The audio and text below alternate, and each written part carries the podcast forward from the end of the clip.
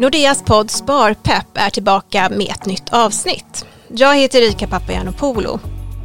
Det är turbulenta tider, minst sagt, och att prata privatekonomi kan kännas sekundärt. Men händelserna i Ukraina påverkar världsekonomin och det är naturligt att vara orolig över hur det påverkar. I det här avsnittet ska vi fokusera på hur tydliga sparmål kan hjälpa dig att hålla kursen även i oroliga börstider. Välkommen Nordeas sparekonom Anders Stenkrona. Åh, tack så mycket. Men du Anders, låt oss börja med lite perspektiv på hur börsen har gått historiskt. Ja, exakt. Om man tittar historiskt, och det beror på hur lång tid man tittar tillbaka, men ofta när man tittar på en historisk börsgraf så tänker man att jag borde ha investerat för tio år sedan. För det har, det, vi har haft en positiv trend. Alltså börsen har ju, trenden är ju positiv även om börsen går upp och ner på, på kort sikt. Så menar, på månadsbasis där man tenderar att leva, då ser man att ungefär 35% av alla månader blir negativa. Och det är ju, det är ju rätt avskräckande. Och på ett års sikt så har ungefär 25% av alla ettårsavkastningar på all den historik vi har har också varit negativa, vilket kan vara lite oroande. Men tittar man på lite längre sikt, fem år, ja på fem års sikt då är det ju i princip bara 10% sannolikhet att börsen går ner. Och på tio års sikt då är det bara 5% sannolikhet att börsen har gått ner. Så att vi har ju haft en positiv trend och den som, jag menar, den som klarar av kortsiktig osäkerhet, ja, den belönas långsiktigt. Man ska ha lite tålamod helt enkelt. Ja, man ska ha lite tålamod helt enkelt. Men du nämnde ju här att eh, trenden är positiv. Men kan du förklara lite mer vad det beror på?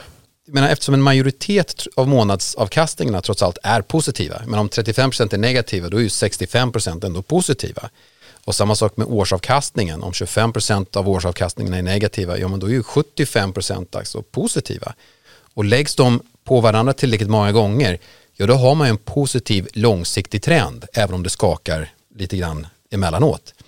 Och sen har vi ju så att menar, den här långsiktiga positiva trenden beror till väldigt stor del av att vi har en ekonomi som bygger på inflation, alltså att det skapas nya pengar i det finansiella systemet och över tid så ska de ju in någonstans och realtillgångar tenderar att må positivt av det och aktier är ju en realtillgång. Du brukar också prata om att prenumerera på börsen. Ja exakt, men det att månadsspara och att liksom spara i fonder och så, det borde vara lika enkelt som att prenumerera, lika självklart. Som precis, precis som du prenumererar på andra tjänster, om det så är någon, någon typ av ja, tv, om det är tv eller om det är tidning eller vad den kan vara, så kommer det på regelbunden basis utan att du behöver beställa om det eller tänka på det, vad du gör.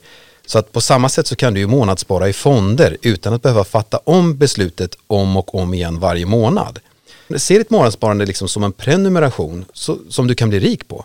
Mm, det sköter sig självt ja. helt enkelt. Men du måste själv bestämma dig för att ta kommandot ja, över. Då, då fattar du beslutet en gång och du fattar det en gång egentligen för alla. Du säger vilken risknivå jag är bekväm med, hur mycket pengar kan jag avvara på längre sikt och så är det som en prenumeration och prenumerationen istället för att du konsumerar prenumerationen som det är med tidningar eller något annat den här blir du alltså mer och mer förmögen på ju längre tiden går.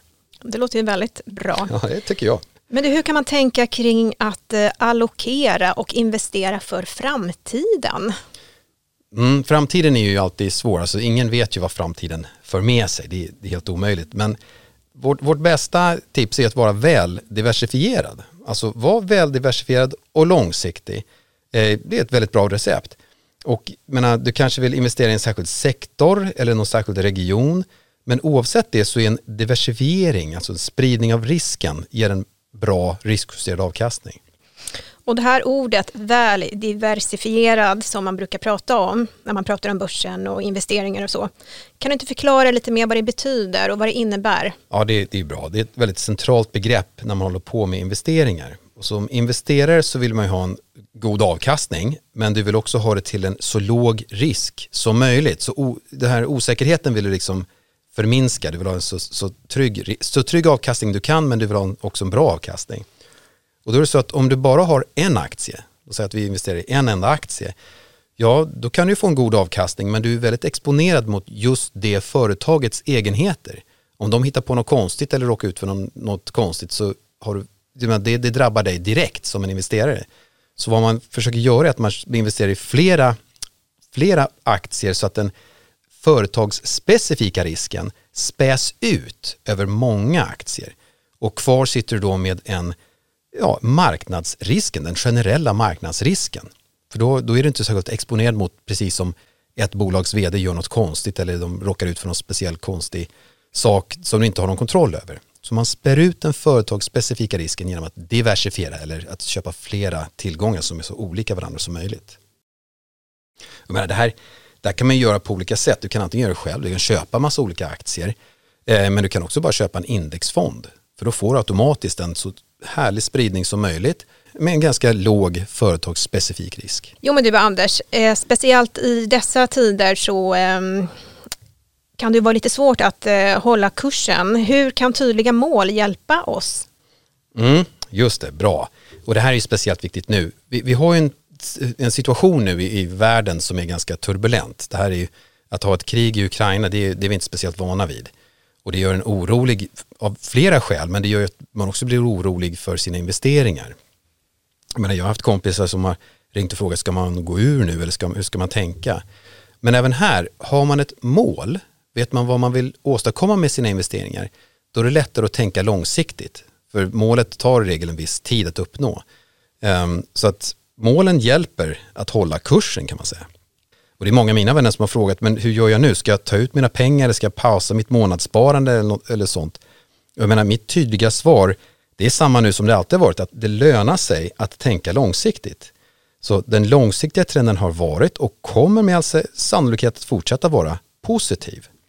Och har du ett tydligt mål så kan det hjälpa dig att hålla kursen även om det känns oroligt. Som att fortsätta att spara på regelbunden basis. Och historiken visar tydligt att den som är långsiktig belönas. Det är det där med tålamodet igen. Mm. Men du har några exempel på några sådana här konkreta sparmål då? Ja visst, det finns massor. Men det kan ju vara till exempel att man kanske vill ha en buffert. Alltså man kanske vill ha en, en månadslön i buffert eller ett par månadslöner i buffert. Ja, då, då kan man kontinuerligt spara sig fram till det. Eller man kanske vill ha en, eh, man kanske köper en bostad, insatsen till en bostad. Då kan man ju veta att det här tar ett par år att få ihop. Eller om det är att spara till pension, det är väldigt tydligt. Det här vet man att det här behöver, det är decennier det handlar om. Och att vara regelbunden och, och förstå att risken nu har inte så stor betydelse för hur det kommer se ut om ett par decennier i min bok. Då fortsätter man att, att spara regelbundet. Så men ett konkret sparmål det hjälper en att hålla kursen även då i oroliga tider. Ja, och eh, även i dessa tider så är det ju bra att fundera över vilken risk man är beredd att ta i sina mm. investeringar. Verkligen. Men eh, vilken risk passar vilket mål? Ja, alltså om det är kort sikt, om jag ska spara ihop till en buffert och det, det kommer jag göra och de pengarna kan jag behöva, man ska titta på när behöver jag pengarna och vad behöver jag pengarna till? Behöver jag pengarna inom en kort framtid eller ska ha dem till just en akutkassa? De pengarna ska inte vara utsatta för risk, de ska vara på ett sparkonto. Eh, och de tar i regel, att spara ihop till någon, en månadslön behöver inte ta mer än ett år om man sparar 10% per månad. Så att eh, där ska du inte ha någon risk alls. Har du däremot sparmålet att ha, köpa en bostad eller att pensionsspara eller göra någonting som är lite större, ja, som tar ett par år att spara ihop till, ja, då, då kan man ju ta en risk. För du får inte avkastning om du inte tar en risk. Helt enkelt. Då får du, om du inte tar en risk får du bara en riskfria avkastning, vilket är snudd på ingenting. Så att vilken risk du är beredd att ta, ja det har att göra med din riskpreferens och vad du rent ekonomiskt klarar av.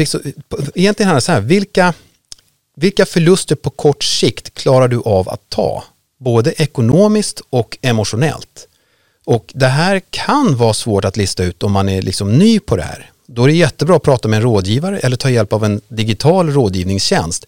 För då kan den ställa ett par frågor som hjälper en att hitta ungefär vilken risknivå som passar mig på den här löptiden som jag håller på att investera. Eh, har man hållit på ett tag så känner man det där själv och säger att jag vet att börsen kan gå upp och ner. På kort sikt så kan den gå så här.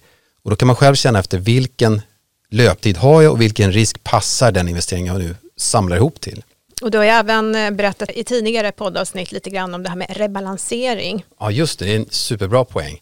För att om jag till exempel har en, eh, en risknivå där jag känner att oh, men det är alldeles utmärkt för mig att ha hälften av mina pengar i aktier och hälften av mina pengar i räntebärande, alltså en lågriskalternativ. Eh, och så går börsen som tåget, ja då kommer mina aktier att öka i värde mer än vad mina räntebärande papper ökar och plötsligt har jag inte 50-50 längre, då kan jag ha ja, 55 45, alltså 55% aktier och 45 eh, räntebärande. Inte för att räntebärande har gått ner i värde utan för att aktierna har gått upp så mycket mer i värde.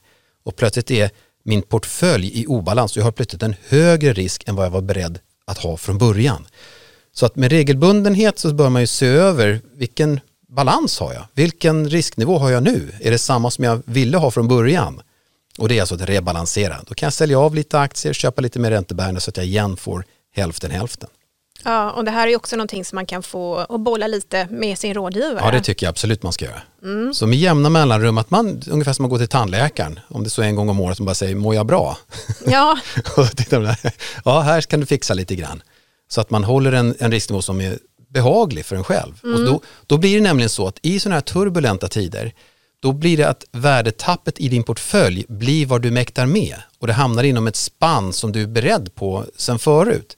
Och då, då blir det inga panikförändringar för man säger jag visste att det var risk, det här var risken jag tog. Jag vet att den långsiktiga belönas så jag håller den här kursen så kommer det med tiden att med största sannolikhet gå bra. Man ska göra en ekonomisk hälsocheck. Det tycker alltså. jag. Det är en jättebra idé. Det låter bra det. Men du Anders, du nämnde ju månadssparande och vi pratar ju ofta om att det är så smart att månadsspara. Mm, Men mm. berätta lite mer igen, varför är det så himla bra? Jo men det är, det är det bästa konceptet vi kan rådge någon till att göra, att spara på regelbunden basis. Och det är så att jag tar en liten eh, exposé, så eftersom marknaden har ju haft en positiv trend, va? när vi tittar historiskt så ser man att ja, den här går ju upp med tiden. Och då antar vi att det här kommer även hålla långsiktigt, att den kommer fortsätta att göra så, att trenden är positiv. Om man då fortsätter att månadsspara även när marknaden går ner, då blir ju resultatet att du investerar till lägre och lägre priser och så är du med när marknaden vänder. Men alternativet är att försöka tajma marknaden. Att man säger, men jag, jag går ur, jag menar, det är frestande att försöka gå ur marknaden när det går dåligt och sen investera tillbaks när det går bra igen. Det vill man ju helst göra. Sälj dyrt och köp tillbaks billigt. Vilket koncept. Men eftersom alla tänker så, då är det svårt att göra det. Det är svårt att tajma det där. Att köpa, jag menar, det, det mest sannolika blir att man säljer när man är jätteorolig, när alla andra är jätteoroliga också. Och då säljer man egentligen på botten. Eller i alla fall när det är lågt. Alltså man säljer billigt och sen så köper man tillbaka när alla är lugna igen och då har regelmarknaden gått upp. Så man säljer billigt och köper dyrt tillbaka.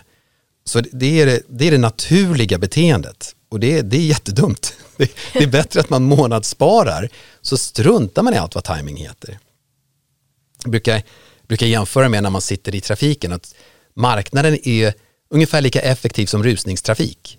Så om du sitter i trafiken va, och så ser du ju, jag sitter i någon så här rusningstrafik, det är liksom bilköer i alla filerna. Okej, okay. och så plötsligt, alla vill ju fram va? Och så går filen bredvid mig lite snabbare. Vad tänker precis varenda människa i min fil? Ja, man borde ju byta. ja. Och vad händer då? Ja, då blir den filen tjock och så går filen jag var i nyss fortare. Så att det, det är precis som i aktiemarknaden, alla vill ju fram. Och är det någon del av marknaden som liksom ser ut att gå bättre, ja då flockas ju pengarna dit snabbt som ögat. Plötsligt är vinstmarginalen eller den potential som fanns uppäten av en högre prisnivå. Så att den potentiella avkastningen är liksom uppäten redan. Så att det bästa alternativet är bara sitt still i bilen, du kommer fram. Det kommer gå bra. Och det är det liksom att månadsspara, att man, man hattar inte höger och vänster upp och ner för det är mycket större sannolikhet att du då säljer på botten och köper tillbaka när marknaden går upp igen. Det är enklast att bara sitta still i bilen och njuta av resan. Ja, bara njuta av resan och lyssna på en podd till exempel. Det är ett jättebra tips Anders. Och då säger jag tack för att ni har lyssnat och tack Anders och tack, tack. Eh, välkommen tillbaka snart. Och så vill jag även puffa för att vi har en samlingssida på nordea.se Ukraina med uppdaterad info, frågor och svar och expertråd. Och det går även bra att höra av er till oss. Då mejlar ni till sparpepp.nordea.se. Vi hörs snart igen. Härligt, hej då!